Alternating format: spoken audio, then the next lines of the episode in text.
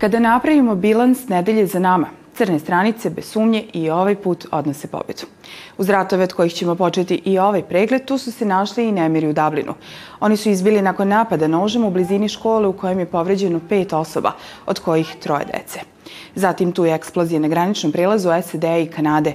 A za mnoge holandjene, bar one na levici ili centru, loša vest je izborna pobjeda krajnje desnice Gerta Wildesa.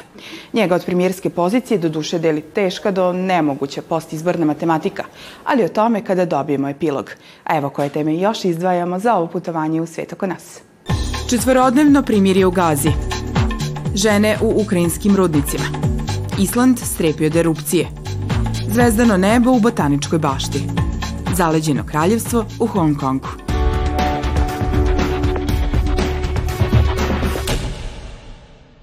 Nakon bezmalo sedam nedelja u Gazi je u petak na snagu stupilo četvorodnevno primirje.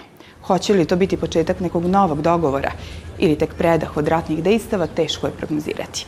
Za sada ništa ne ukazuje na to da postoji prostor za trajni dogovor ali da gledamo sa vedrije strane i to privremeno, za mnoge najvažnije na svetu.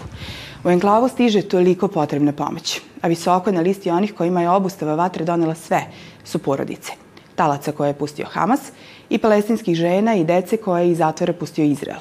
Mada su i jedni i drugi pre toga morali da prežive sate i sate iščekivanja. Uz veliko oklevanje pojavio se i tračak nade nakon gotovo dva meseca sukoba – Ipak, uz svu bojazan, jasno je da je planirano četvorodnevno primirje između Hamasa i Izrela uz razmenu zatvorenika koja je utkana u njega, bolje od onoga što mu je prethodilo. Primirje bi trebalo da dovede kući otete Izraelce i spasi neke palestinske živote. U oba slučaja nedovoljno. Nisam spavala mesecima čekajući da čujem vesti o zameni. Spavam bez nade. Juče su me zvali i rekli da imaju dogovor, ali sam čekala glasanje ratnog kabineta da vidim šta će do kraja biti. Sada makar imam neku nadu. Nobody can imagine how we feel Niko ne može da zamisli kako se osjećamo. Zamislite da je vaše dete negde duboko u tunelima, umesto da spava u krevetu sa ćebetom. To su duboki tuneli. Tri godine moja devojčica, moja unuka, voli da stalno skače na trampolini i na kauču i veoma je srećna. Sa njom je i beba od 11 meseci koja je tek treba da prohoda. Slične priče i slične nade su sa obe strane žice. Objavljeni sporazum predvideo je da će Izrael osloboditi 150 palestinskih žena i tinejdžera koji su u zatvorima, a palestinski ekstremisti 50 od 240 talaca koji su oteli 7. oktobra tokom iznenadnog napada na jug izraelske teritorije.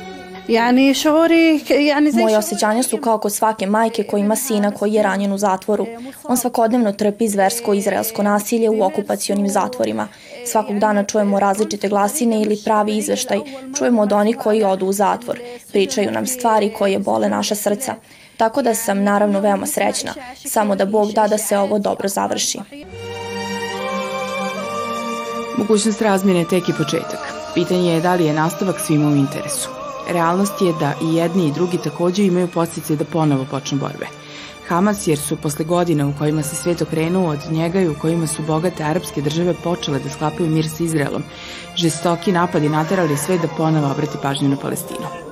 Izrael zato što Netanjahu zna da se, nakon što su njegovi neospesi pomogli da se otvori put za užas 7. oktobra, suočava sa svrgavanjem sa funkcije i krivičnim gonjenjem za korupciju.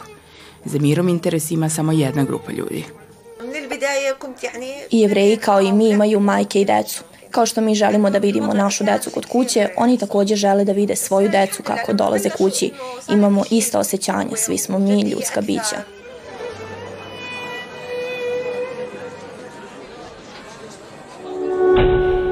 Potrebno je razmisliti kako zaustaviti tragediju rata u Ukrajini, ocenio je na virtualnom samitu G20 ruski predsjednik Vladimir Putin, dodavši da Moskva nikada nije odbila učešće u mirovnim pregovorima s Kijevom. U analizu može li se iskreno verovati u takve namere, bilo Moskva, bilo Kijeva, ako su zahtevi i dalje miljama udaljeni, ovaj put ne ulazimo. Nećemo ni na frontu gde se situacija zaledila mnogo pre zime, ali hoćemo o pripremama Ukrajine za predstojeće hladne dane.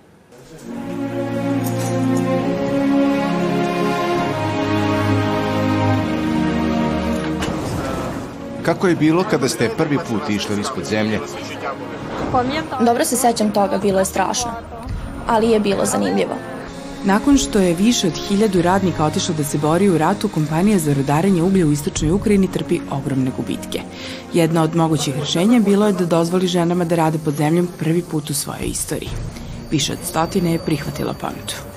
Цю працю, то що Prihvatila sam posao jer je počeo rat i nije bilo ničega drugog. Zatvorili su se svi kafići i prodavnice. Samo su male radnje s vremena na vreme prodavale proizvode, zavisno od toga da li je nestalo struje ili ne.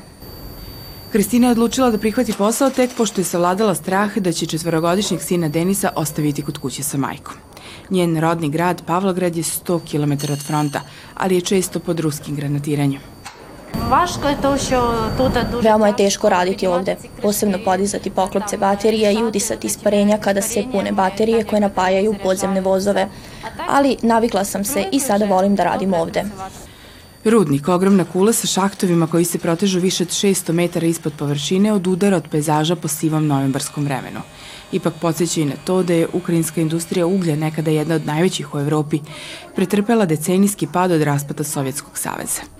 Centralno upravljeno unutrašnje tržište koje je snabdevano odjednom je prestalo da postoji. Ovo je posao za muškarce. To je težak posao, mi pomažemo. Mislim da će u budućnosti ovde raditi još više žena. Mi imamo žene koje upravljaju dizalicama, radimo kao električari, čak i neke žene koje rade kao rudari.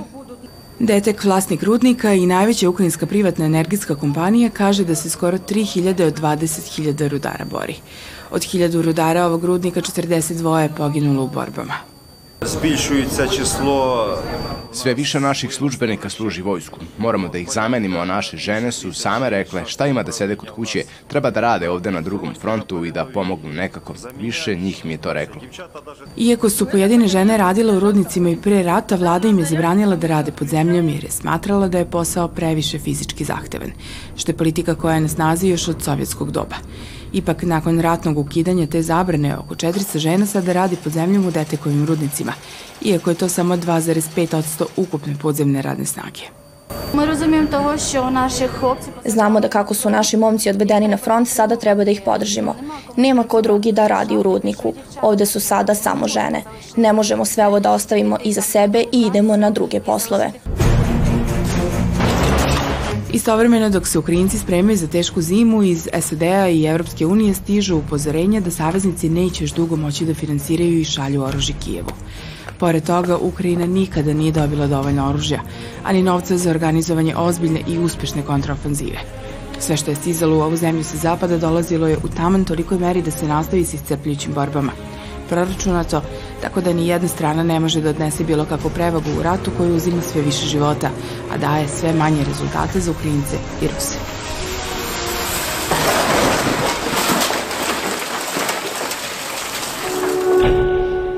Šta se događa pod zemljom, verovatno je trenutno najčešće postavljeno pitanje na Islandu. U iščekivanju erupcije ribarski gradić Grindavik evakuisan je pre dve nedelje. Zabeležene su hiljade malih zemljotresa, a pukotine između dve tektonske ploče, evroazijske i severnoameričke, svakim danom je sve veća.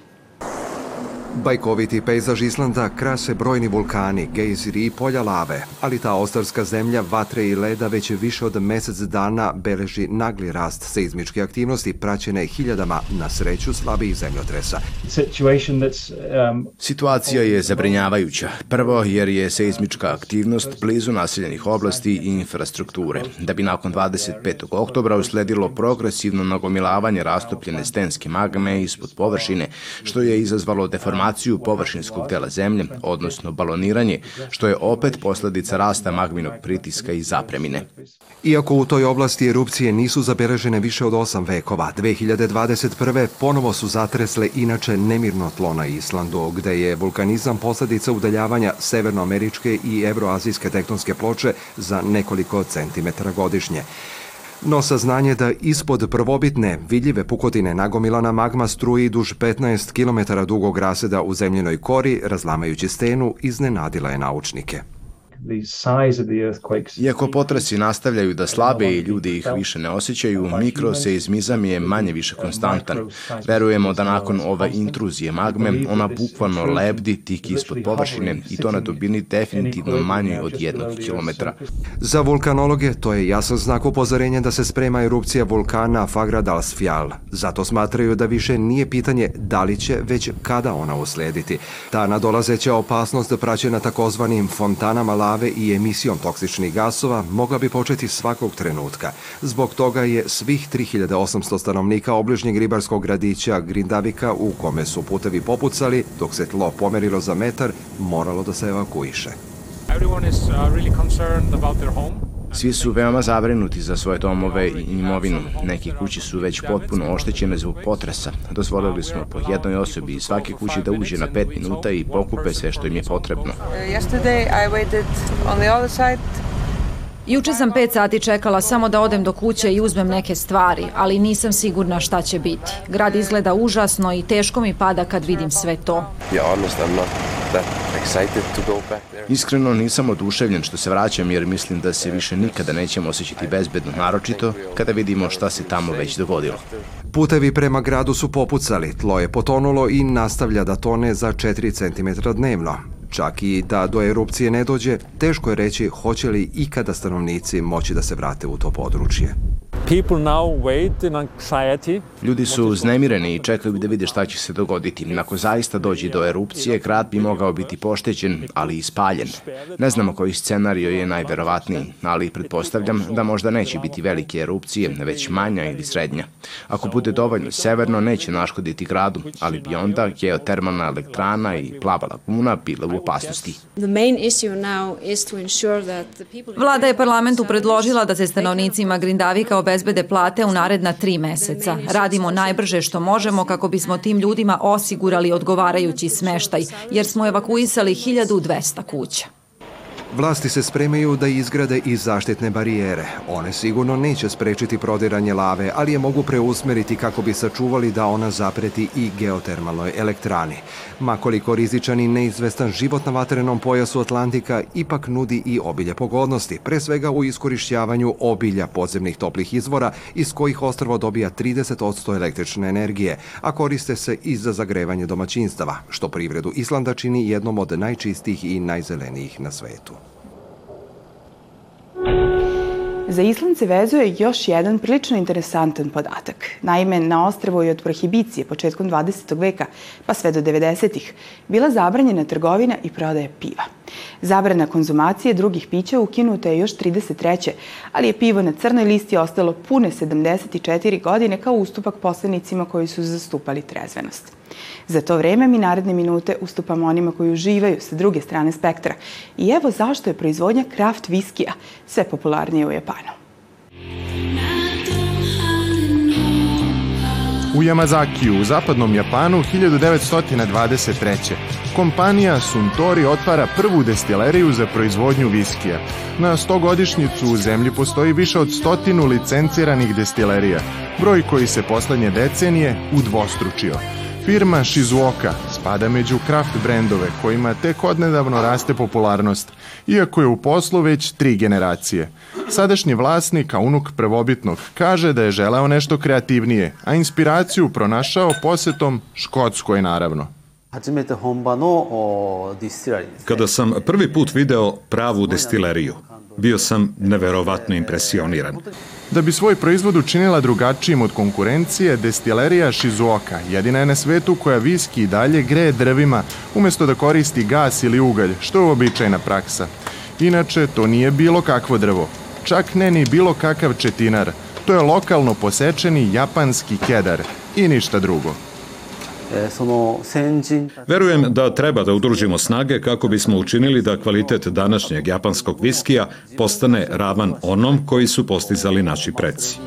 Dugo smatran inferiornom kopijom škotskog, japanski, što single malt, što mešani viski.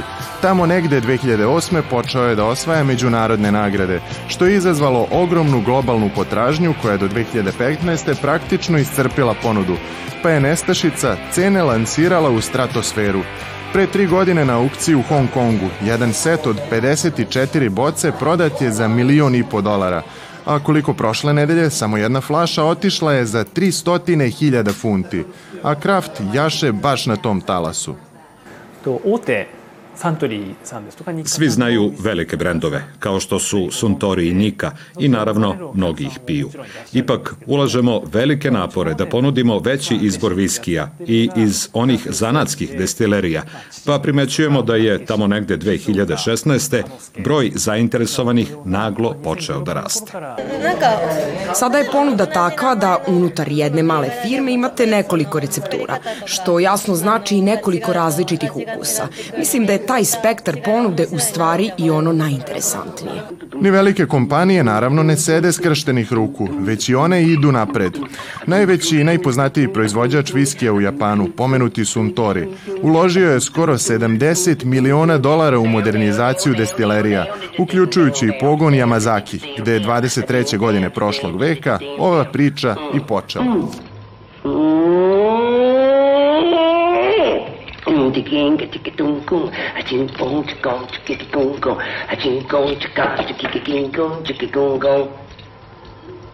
Santore.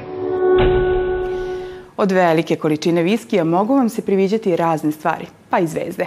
Ali to vam ne preporučujemo, jer je u botaničkoj bašti u Njujorku zvezdano nebo prizor koji je zagarantovan svima. Preko projekta Astra Lumina upoznajemo zvezde. One padaju s neba, približavaju nam se. Na ovaj način učimo interaktivno, ne kao iz knjige, već kroz fizički doživljaj. Otkrivamo kako one nastaju, divimo se njihovoj lepoti, a zatim ih šaljemo nazad daleko na svoja mesta na nebu. Zahvaljujući poigravanju sa laserima i raznim svetlećim telima, pratećem videomaterijalu i raznim zvučnim efektima, posetioci imaju osjećaj da se nalaze na nekom njima potpuno nepoznatom mestu, gde su zvezde na dohvat ruke. Performans traje oko sat vremena i može biti zanimljiv celoj porodici. U raznim delovima parka menjaju se vizualni i audio doživljaji. Multimedijalnu instalaciju Astra Lumina pripremio je studio Moment Factory u saradnji sa agencijom Fever, a pre New Yorka prikazana je i u Los Angelesu. Ovo je 19. projekat u sklopu serijala Šetnja po zvezdanoj noći. Do zvezda ili ako hoćete popularnosti, pa makar ona trajala i 15 minuta kao što je to rekao Andy Warhol, može se raznim putevima. Jedan od njih je Guinnessova knjiga rekorda, a u nastavku o novinama u izdanju za sledeću godinu. Guinnessova knjiga rekorda danas se objavljuje u više od stotinu zemalja širom sveta, a njeno izdanje za narednu godinu uključit će nove, nesvakidašnje rekorde, između ostalih i najduži procep kroz koji je neko provezao jedan pick-up, ali na dva točka. Na dva točka vozim od kako mi je bilo sedam godina, a počeo sam na baštenskoj kosilici. Prema tome, dočekati da Guinnessova knjiga prepozna tako nešto, zaista je fantastično. Dve vertikalne lestvice između kojih je Paul Swift morao da prođe bile su rastavljene tačno 188 cm, a postavljene na legendarnoj britanskoj trkačkoj stazi Silverstonu, koja nije bila i jedino poprište obaranja rekorda tog dana, jer to nije bio dan kao i svaki drugi. Naime, to je bio godišnji Guinnessov dan, kada se obaralo zaista svašta, i to svuda po svetu.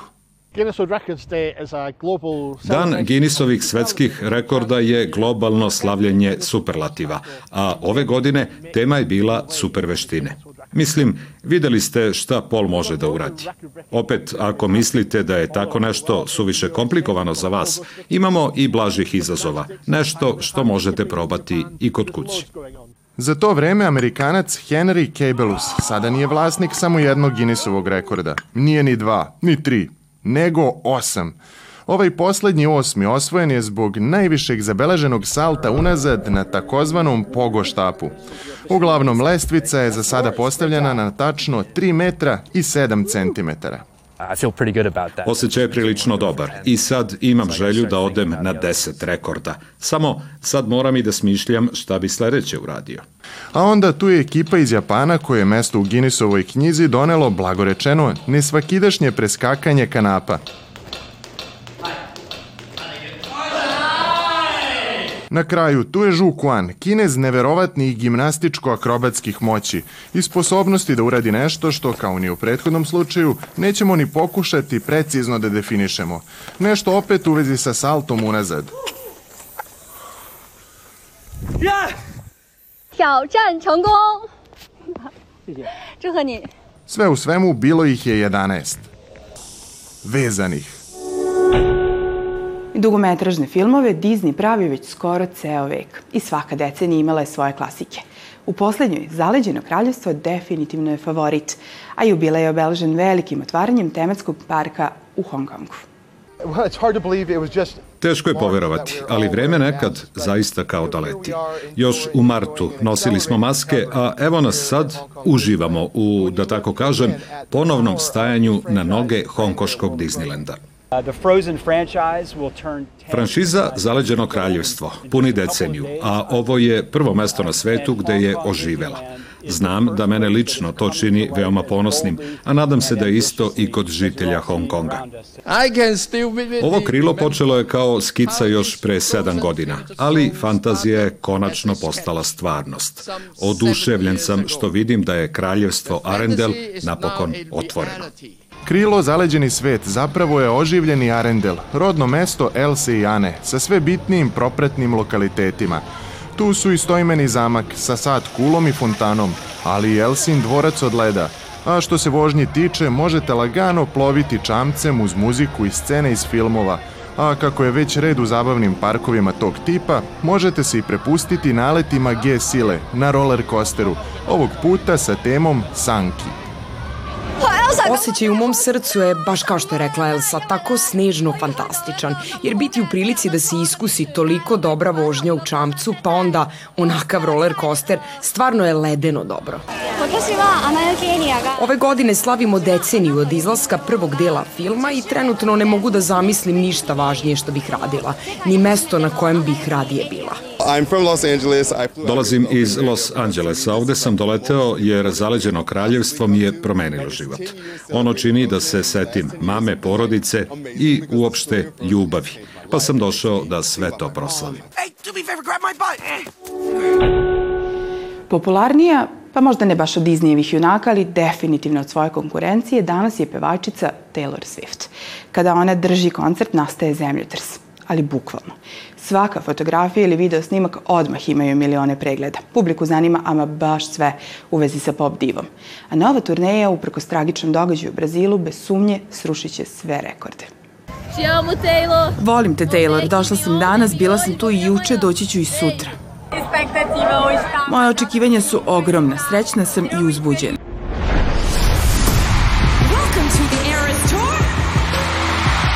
Tokom prvog nastupa Taylor Swift u Rio de Janeiro, usled velikih vrućina, jednoj od obožavateljki je pozlilo, a uprkos svim naporima lekara, njoj nije bilo spasa. Trebali su biti obazriviji. Toliko su zapostavili ljude da je Taylor Swift sa scene molila organizatore da podele vodu publici. 23-godišnjoj Ani Clari Benevides pozdilo je za vreme koncerta, a preminula je od posledica u bolnici. Roditelji su neutešni. Buscar sua filha e morta. Tražiti čerkino mrtvo telo je izuzetno teško. E pede para ele. Pitam Boga da li je ovo zauvek. Čekamo rezultate autopsije kako bismo imali više informacija. Dovoljna količina tečnosti, toaleti i zaklon od direktnih sunčevih zraka za publiku nisu bili obezbeđeni, dok su temperature bile daleko iznad 35 stepeni, a vlažnost vazduha premašila je 70 Povodom tragičnog događaja oglasila se i Taylor Swift preko društvenih mreža. Očajna sam. Nemamo mnogo informacija. Znam da je bila prelepa i jako mlada. Neću imati snage da vam se obratim u vezi tragedije sa scene jer me je ovo duboko pogodilo. Želim da izjavim saučešće njenoj porodici i prijateljima. Naredni dan je koncert otkazan u zadnji čas. Frustrirajuće je što je koncert otkazan svega pola sata pre početka. Niko se ne bi ljutio da su nam saopštili ranije. Mladi su bili jako razočarani, mnogi su plakali. Kad su otkazali koncert, termometar je pokazivao 45 stepeni. Ponali smo vodu i led da se rasladimo, ali smo sve vreme imali osjećaj da ćemo se one svestiti. Mnogi su se gurali, ljudi su bili nervozni. Bez obzira na vremenske uslove, izgleda da niko i ništa ne može da zaustavi fanove Taylor Swift. Gužva ispred stadiona Nilton Santos u Rio de Janeiro bila je ogromna. Oko 60.000 mladih čekalo je da se kapije opet otvore. Bojim se da se sve što se desilo ne odrazi na sam Taylor i nastup. Verujem da je ona veliki profesionalac i da ćemo ipak dobiti ono čemu smo se nadali. Ponela sam flašu vode, proteinske štanglice, pokriću glavu i preživeću ovaj koncert. Nakon tragičnog događaja stupio je na snagu novi zakon u Brazilu. Od sada će na koncertima organizatori morati da obezbede vodu. Što se tiče Taylor Swift, karta za koncert košta 456 dolara, a turneja Eras po svemu sudeći biće jedna od najuspešnijih ikada. Pretpostavka je da će pevačici doneti više od 4 milijardi dolara, s obzirom da je ona i autor pesama. Možda nisu izazvali toliko pažnju paparaca, ali se iza njih zna u svakom kutku planete. Band ZZ Top prepoznaje se odmah, na prvi rif, prvi pokret, prvi pogled na binu ili bolje reći bradu. I zato je naša poslednja stanica Texas, država koja je, između ostalog, proslavila slavna trojka. Zavirit ćemo u ode aukcijske kuće iz Dallasa koja je na prodaju ponudila oko hiljadu predmeta gitariste Dustija Hilla preminulog 2021. godine. Sve gitare, šeširi, garderoba ili kaubojke potiču direktno od njegove udovice, a deo prihoda za koji se očekuje da će premašiti milion dolara biće uplaćen u dobrotvorne svrhe. Uz teksaški pozdrav i ideju da do sledeće nedelje i svako od nas učini malo dobro delo, pozdravljamo vas ove nedelje. Novi krug pravimo zajedno za 7 dana.